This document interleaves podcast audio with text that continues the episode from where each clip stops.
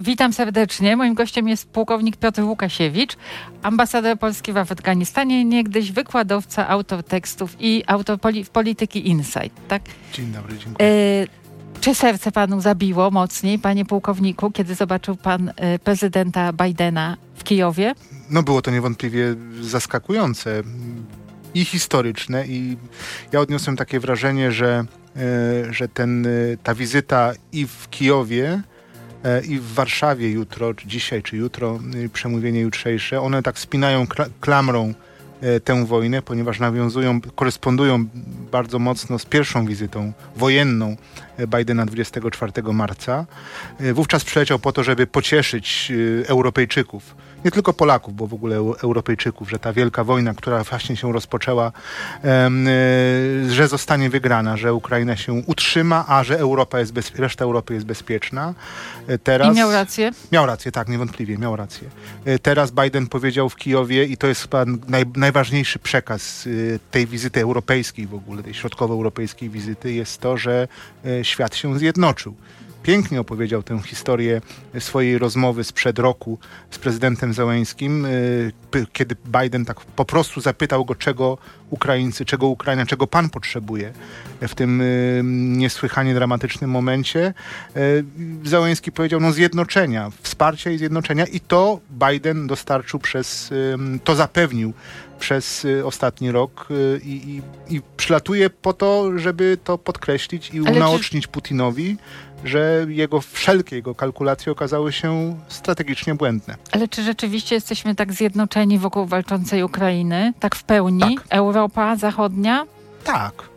A Niemcy? A to, co się teraz w Niemczech dzieje? Jakiś... Co się dzieje w Niemczech? No, taki ruch pacyfistyczny. Oj, no ruchy pacyfistyczne tak są wszędzie, wszędzie, wszędzie, są, wszędzie są. No taki e, absurdalnie pacyfistyczny. Absurdalnie, znaczy Żyjemy w, w, państwach demokratycznych, gdzie wypowiedzi różnego rodzaju są może nie tyle uzasadnione, co są tolerowane i są, i są akceptowane, w tym sensie są częścią, częścią rozmowy. Natomiast y, tak strategicznie rzecz biorąc, Niemcy wykonały niezwykle silną pracę i ekonomiczną, i wojskową, i polityczną również nad takim gwałtownym przesunięciem się z, tych, z, z tego y, powiedzmy stronnictwa pokoju ku, nie powiem stronnictwu wojny, bo to nie jest kraj militarystyczny, może na szczęście, e, do, do, do państwa, które stoi e, w równym szeregu z Ameryką, z Polską, z Francją, z Wielką Brytanią. E, bodajże chyba są na drugim miejscu, jeśli chodzi po Stanach Zjednoczonych w dostarczaniu pomocy wojskowej Czyli chce pan Ukrainie. Po powiedzieć, panie pułkowniku, że te pogłoski o tym, że Niemcy tak nie bardzo jednak się palą do tej pomocy Ukrainie, to są przesadzone, co nie, najmniej. Ja, ja, bym powiedział jeszcze nawet szerzej, że jak, jak, jak powtarzam jeszcze raz, prezydent Biden przylatuje tutaj nie do tego, żeby zagrzewać do jedności, ale żeby pokazać tę jedność Rozumiem. i zaakcentować to, co się wydarzyło w ciągu y, ostatniego roku. I Niemcy są ważną częścią tej, tej, tego frontu, powiem, nie wiem, zachodniego, czy też, bo to ten zachód to jest troszkę też mylne, po, mylne pojęcie, bo i Japonia, i Korea Południowa, i Australia, więc rodzina państw demokratycznych to jest chyba lepsze, lepsze rozgraniczenie między autorytaryzmami a demokracjami, które stoją jednoznacznie po stronie e, w tej niezwykle jaskrawo moralnie, moralnej wojnie e, Ukrainy z Rosją mhm. e, i nie ma znaczących wyłomów demonstracje, a niech sobie demonstrują. Były demonstracje w Czechach, mamy jakieś y, groteskowe ruchy w Polsce również propokojowe, czy pacyfist, tak zwane pacyfistyczne, nie chcę tego jakby się w to zagłębiać. No i są, no i dobrze. Natomiast co do zasady, państwa europejskie są, są, mhm. są tutaj, wydają się na, przynajmniej na, na, na tym etapie, wydają się zjednoczone i silne w swoim poparciu dla Ukrainy. A teraz mam jeszcze takie pytanie. Jeśli idzie o Rosję, y, to Amerykanie jednak powiadomili Rosjan o tym, że prezydent Biden będzie w Kijowie zupełnie, bo tu to media temu przypisują może jakieś nadzwyczajne wrażenie, zupełnie nieistotny szczegół. Powiadomili, no bo prezydent mocarstwa nuklearnego jedzie do ogarniętego wojną Kijowa i to zawsze warto podkreślać, ten niesłychany, znaczy to jest, gdybyśmy rok temu o tym mówili, to byłoby, brzmiałoby to absurdalnie, że prezydent Ameryki jedzie do ogarniętego, ogarniętej wojną Ukrainy, mocarstwa nuklearnego, gdyby mu się coś stało, gdyby się potknął, to byłaby trzecia wojna światowa i to jest wojna nuklearna. Więc y, szczegół techniczny, który mówi o tym, Rosjanom pokazuje, że, że, że, że, że USA się nawet tak skrajnych sytuacji się nie boją, że Biden takich sytuacji się nie boi, no i żeby nie zrobili niczego głupiego, bo to jest... Byłoby, no to w wielkiej byłoby... tajemnicy ta informacja jakoś była, ale w końcu Zupełnie nieważna. Znaczy, na, naprawdę nie ma, nie, ma to, nie ma to żadnego znaczenia. To jest szczegół techniczny tej wizyty. Moim i Państwa gościem jest pułkownik Piotr Łukasiewicz. Y, rozmawiamy oczywiście o wizycie prezydenta Bidena Ukrainie, czyli to y, uważa Pan, że nie ma znaczenia. No a jutro będzie prezydent Biden przemawiał w Warszawie, a jednocześnie Putin ma to swoje orędzie, które prawdopodobnie no, wygłosi. Gdyby to nie zabrzmiało jak trochę herezja, powiedział, że z, z pewnym, nawet większą niecierpliwością czekam na przemówienie Putina, który tak? znalazł się w ciągu tego dzisiejszego dnia w niezwykle trudnej sytuacji. Um, oczywiście czekam na prezydenta Bidena, czekam, będę z, z, wielkim zainteresowaniem śledził to, co powie i, i, oglądał, tak jak widziałem poprzednią, poprzednie przemówienie na Zamku Królewskim, tak jutrzejsze również. To będzie Ale niezwykle na żywo, ważne. wybiera się pan tak, tam. Tak. Tylko... Natomiast y, będę też no, pewnie czytał pewnie o, o, przemówieniu Putina, bo jestem ciekaw, co, jak on zareaguje na ten niesłychany, niesłychany akt nie wiem jak to powiedzieć, takiej no, wrogości wobec niego, bo on siedzi w bunkrach, porusza się jakimiś pancernymi pociągami. Nie pojawił się nigdy w przeciwieństwie do Załęskiego, który regularnie wizytuje swoich walczących żołnierzy i to na, na pierwszy, niemalże na pierwszej linii frontu. Putin siedzi w bunkrze, spotyka się z Łukaszenką od czasu do czasu, ma ten swój groteskowy 20-metrowy stół e, i, e, i za, jak on zareaguje na tą niezwykle śmiałą wyprawę kijowską Bidena. No będzie, będzie mówił, że dość, jest prześladowany. Że, no, prawdopodobnie powie, że to jest kolejny etap eskalacji wojny Zachodu, z, wojny NATO z Rosją i tak dalej, i tak dalej, ale też yy, no, jeśli ktoś jeszcze wierzy, że Putin jakieś szaty ma, no to jutro może powiedzieć król jest nagi, to na pewno. Y, będzie przekraczał wszystkie granice, tak powiedział jeden z komentatorów dzisiaj. W retoryce, w, retoryce w propagandzie na pewno. Pytanie, czy jeszcze stać Rosję na przekraczanie swoich własnych ograniczeń w tej warstwie wojennej, w tej warstwie mobilizacyjnej, w warstwie zapewnienia ich żołnierzom jakiej, jakiejkolwiek szansy na, na zwycięstwo wojskowe. To jest istotne pytanie o te granice rosyjskie, bo granice retoryczne Putin, jego propagandyści przekraczają, przekroczyli już wszystkie. Czy Zachód się przestał bać tego szantażu y, nuklearnego? Zachód w sensie no, tak. rodzina państw y, demokratycznych często było takie, takie, takie mm, sformułowanie, że, znaczy zresztą to, tym się posługują sami Rosjanie, że mocarstwo nuklearne nie może przegrać, wo, przegrać, przegrać wojny. No ja przypominam sobie przegrane wojny w Wietnamie amerykańską, w Afganistanie rosyjską, sowiecką wojnę w Afganistanie, teraz ostatnio przegraną przez, znaczy wycofanie Amerykanów z Afganistanu również um, po, raz, po, raz, po raz drugi, więc y, mocarstwa nuklearne przegrywają wojny konwencjonalne i to nie jest prawdą, że, że, że, że musi nastąpić eskalacja nuklearna. I prawdopodobnie będzie to również przypadek tej wojny. Ja muszę teraz, y, panie to pułkowniku, przerwać tak. na chwilę, ponieważ dalsza część naszej rozmowy będzie się toczyła w mediach y, społecznościowych, przede wszystkim w radiu RMFF, y, przepraszam, na portalu RMF24 i w radiu internetowym. Także chwileczkę i będziemy kontynuować. Zapraszamy wszystkich słuchaczy. Czyli będzie to, czyli będzie to prawdopodobnie przegrana wojna no, losy tej wojny, tej, kampanii wojskowej, które, bo może tak to określimy, one są jeszcze, no, nie, nie, nie są takie jasne, prawda? Czy znaczy, to wiemy, że Rosja ma, posiada zdolności do przede wszystkim do zmobilizowania ludzi, czy do zmobilizowania techniki, no chyba tej techniki zaczyna jej brakować ja może... troszeczkę, natomiast ma z pewnością masę ludzką, którą może dysponować i to dysponuje w sposób niezwykle swobodny, y, co widać po ponoszonych przez nią stratach i no sposobie... są zatrważające, tak, ogromne są te straty. Jeszcze może jeszcze wrócę, walkę, tak. może jeszcze wrócę do wizyty prezydenta Bidena y, w Polsce. Jeszcze zapytam o to, za chwilę będziemy już mówić o Rosji i Ukrainie, ale co Polska jakby ma z tego, że prezydent Biden tu jest. Na co Polska może liczyć? Polska może liczyć na to, że jest ważnym, istotnym punktem, w którym rozgrywa się historia, punktem geograficznym w sąsiedztwie wojny, która no, jest, jest przełomowym dla, na pewno dla XXI wieku i dla kolejnych, dla kolejnych dekad.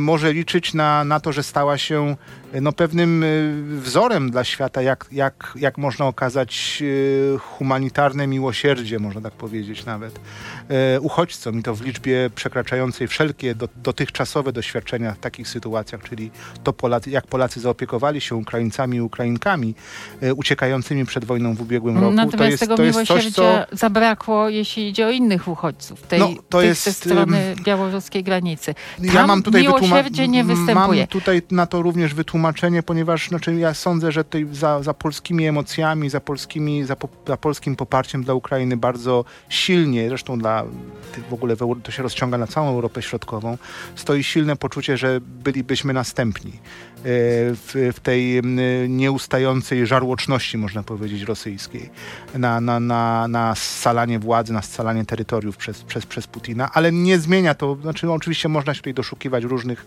różnych motywów, natomiast tutaj staliśmy się wzorem, to na no pewno. tak, to tej, było spontaniczne, to, to, to, to było, było spontaniczne, to było piękne, to było, to, i to zasługuje, to jest, to jest wzorzec dla I, i dla, właśnie dla, prezydent dla Biden zapowiada, prezydent Biden że zwróci się do, tak, do społeczeństwa tak, pewnie, pewnie, pewnie, pewnie to podkreśli.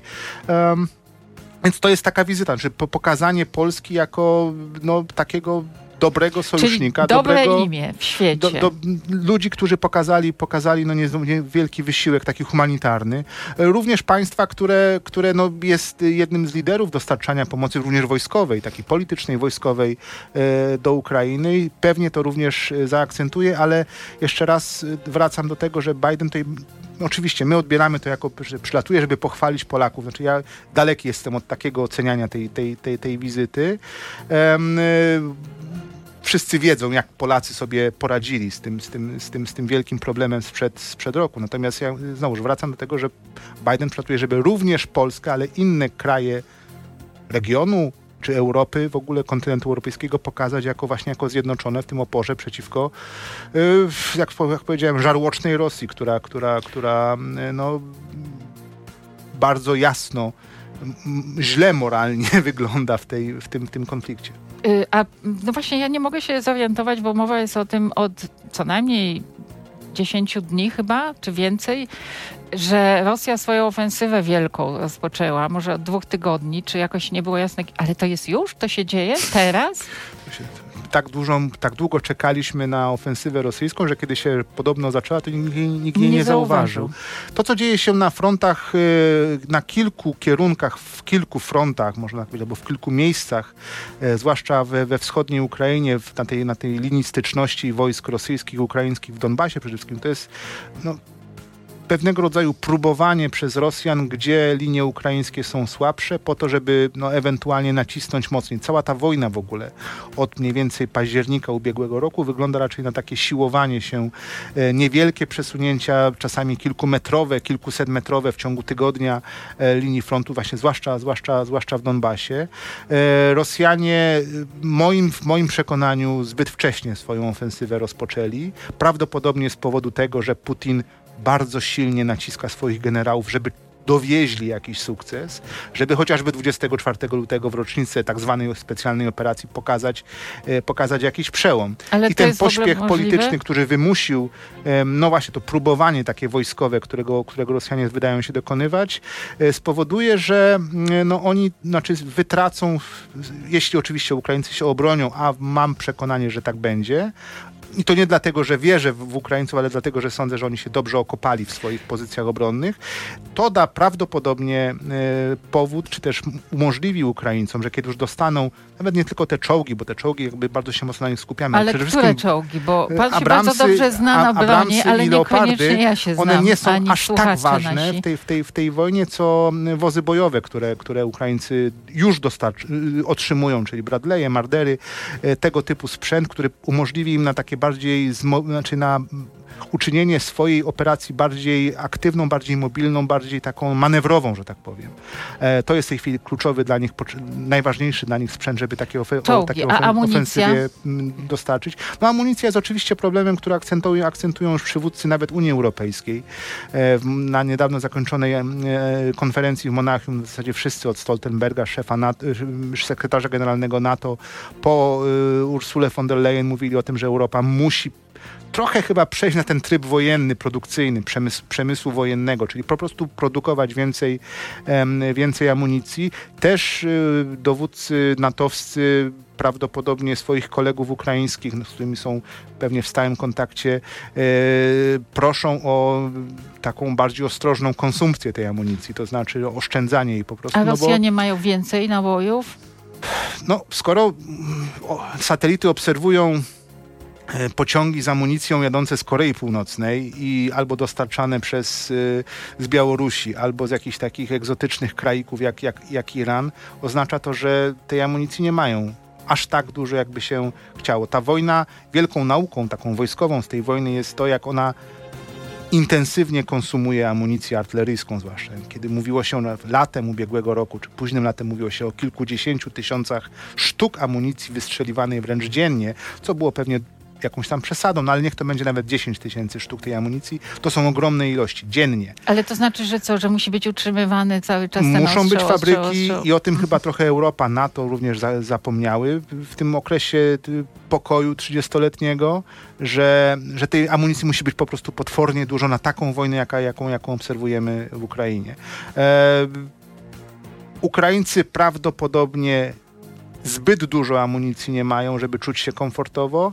Widzimy, że, e, że, że, że sojusznicy zachodni Ukrainy wzywają do, no jak powiedziałem, do pewnej takiej wstrzemięźliwości, oszczędności, ale też zwiększają produkcję, e, która w pewnym momencie, i to właśnie to jest ważne jakby dla zrozumienia też tej sytuacji wojskowej, w pewnym momencie Ukraińcy wytrzymując tą trwającą już ofensywę rosyjską, przejdą do własnej, mając i sprzęt. Właśnie o to chciałam spytać. Mając i sprzęt, i no, dodatkową amunicję, którą, którą otrzymają z Zachodu. I to być może umożliwi ten trochę błąd strategiczny Putina, który był zbyt niecierpliwy ze wstrzym, z, przy, z, przegrupowaniem włas, z przygotowaniem własnych wojsk do tej ofensywy, być może umożliwi to Ukraińcom e, odzyskanie tej inicjatywy gdzieś. No bo właśnie pan mówił kwietniu, o tym, maju, tak, to może... właśnie jakimś, to tutaj w RMF FM na antenie mówił pan e, o póź, późna wiosna, wczesne lato. To jest no, moment no, To jest ten moment, kiedy przede wszystkim, kiedy, kiedy, kiedy Ukraińcy dostaną, jak wspomniałem, te wozy bojowe, e, transportery piechoty, czy tak też to można tak bardziej kolokwialnie e, określić.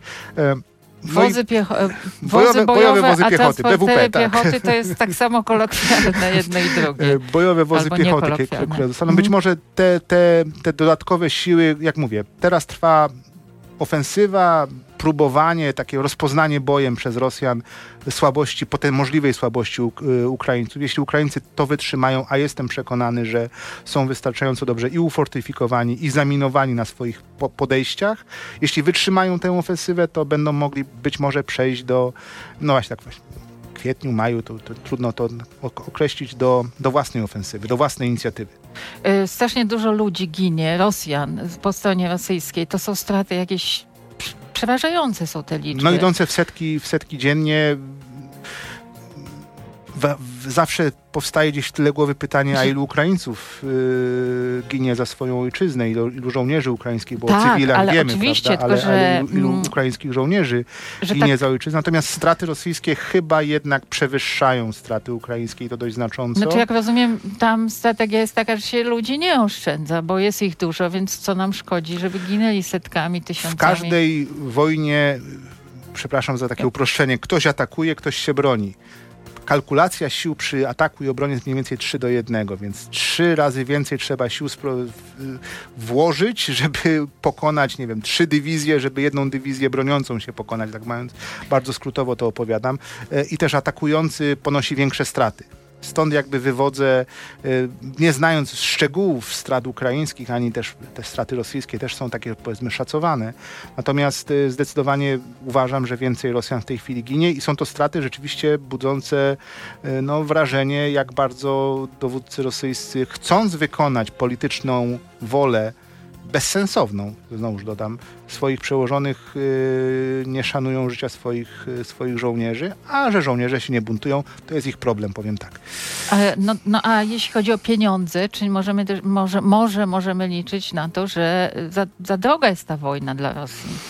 No, takie ostrożne szacunki wskazują, że Rosja ma jeszcze środki finansowe na prowadzenie no, tej ale podobno wojny. jakieś straty one się, duże też one się, one się wyczerpują, one się wyczerpują prawdopodobnie Przychody z ropy i gazu spadły o 46%. No tak, ale to są takie powiedzmy no, z, z miesiąca na miesiąc. To, to są zbyt... Rok do roku. Albo rok do roku, więc, więc to, jeszcze, to jeszcze można założyć, że na przynajmniej na ten rok Rosja jakieś tam zasoby, e, zasoby ma.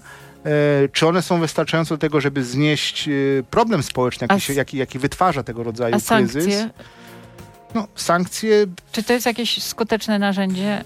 Znaczy, rok temu, ma, rok temu prezydent Biden dość puńczucznie zapowiadał, że e, rubel zamieni, rubble will turn into rubble, że rubel zamieni się w ruinę, tak? Tak to, tak to zabawnie zabrzmiało. To się nie wydarzyło. E, sankcje okazały się, w, Rosji jest 300 banków, a zaledwie 30 czy 40 zostało objętych sankcjami, więc jest możliwość obchodzenia tych, e, tych, e, tych, tych sankcji. Rosja wciąż sprzedaje znacznie mniej, jak pani wspomniała, 40% mniej gazu, ropy prawdopodobnie również. Państwa takie jak Polska, wciąż y, złoża, y, wciąż surowce rosyjskie y, kupują i to jest część tego problemu, który również prawdopodobnie prezydent Biden zapowiedział przed Warszawą, że ogłosi jutro jakieś dodatkowe sankcje nałożone, czy to na indywidua rosyjskie, czy na, czy na jakieś instytucje rosyjskie, więc ten nacisk będzie się po prostu zwiększał. To, to, to nie jest tak, że nie można samą ekonomią zakończyć wojny w miesiąc. To, I to jest też jednak kolejna z lekcji e, e, można powiedzieć, ja jeszcze... historycznych z tej wojny. Ja jeszcze, ja jeszcze przypomnę panu pana własne słowa, panie pułkowniku. Rosja wyjdzie pokiereszowana ze zrujnowaną opinią bandyckiego pasera gazu i ropy. Z tej wojny wyjdzie. Schodzące mocarstwo musi się transformować, by przetrwać i Ukraina będzie uczyła Rosjan, jak zmieniać y, w ogóle politykę i społeczeństwo w kierunku demokracji, albo nie będzie Rosji. A to jest chyba mój tekst przed tygodnia sprzed wojny. Tak. Nie, niestety Bardzo nie mogę, ze względu na wczesną godzinę, nie mogę podać tytułu tego tekstu. Ale jest taki, jak się mówi, jest, dosadny. Jest dosadny, zachęcam do sięgnięcia do, do, na stronę krytyki politycznej. Rosja nie odzyska statusu mocarstwa w strukturach europejskich Ukraina będzie dla Rosji przykładem cywilizacyjnym. No bo zawsze była. Zawsze, zawsze było tak w historii Ukrainy, że to z Kijowa promieniowała cywilizacja na, na resztę Rusi. Um, częścią powodów tej wojny było również to, że promieniowanie demokracji, które rozpoczęło się w 2013-2014 roku na Majdanie, zagrażało nie tylko imperialnym ambicjom, e, ambicjom e, Moskwy, ale również tym, że no, Rosjanie mogą zapytać, a czemu u nas nie jest tak, że jesteśmy na przykład częścią Unii Europejskiej? Przecież Rosjanie kochają Unię Europejską, w końcu wyjeżdżali na wakacje licznie do Włoch, do, do, do Francji, Disneylandu, do Disneylandu i tak dalej, więc dla nich to nie jest jakaś, nie ma muru chińskiego na, na granicy Rosji, nie było muru No ale na razie jeszcze ich nie zapraszamy tutaj, żeby... Nie tak zapraszamy tak ich oczywiście, natomiast y, mówimy o tym, o pewnym przykładzie, który, który to znaczy, być może, może wreszcie dojrzeją. Ukraina prawda? być tym przykładem Ukraina dla Rosji, może, być tym, przy, może być tym przykładem dla Rosji. Oczywiście to, to, Rosjanie tej... intensywnie pracują w ciągu ostatniego roku nad tym, żeby Uk Ukrainę zniszczyć, ale, ale też taka wizyta, jak, jak, jak, jak dzisiaj, którą obserwowaliśmy w Kijowie i też to, no, to, to jednak przekonanie, że cywilizacja, ta dobra cywilizacja jest po stronie Ukrainy i wspiera Ukrainę, a też Ukraina jest jej częścią, no, może kiedyś doprowadzi do, do, do zmian w Rosji, które byśmy wszyscy pożądali, I... chcieli, żeby takiej Rosji jak teraz już nie było. I na tym musimy zakończyć naszą rozmowę. Czasu płynął. Na, moim gościem y, był y, pułkownik, który jest również Piotr Łukasiewicz, chciałam wszystkie pana zaszczytne tytuły dziękuję jeszcze przedstawić, ale już bardzo. chyba nie zdążę. Y, bardzo dziękuję za, dziękuję. za tą rozmowę, a my się widzimy i słyszymy za tydzień.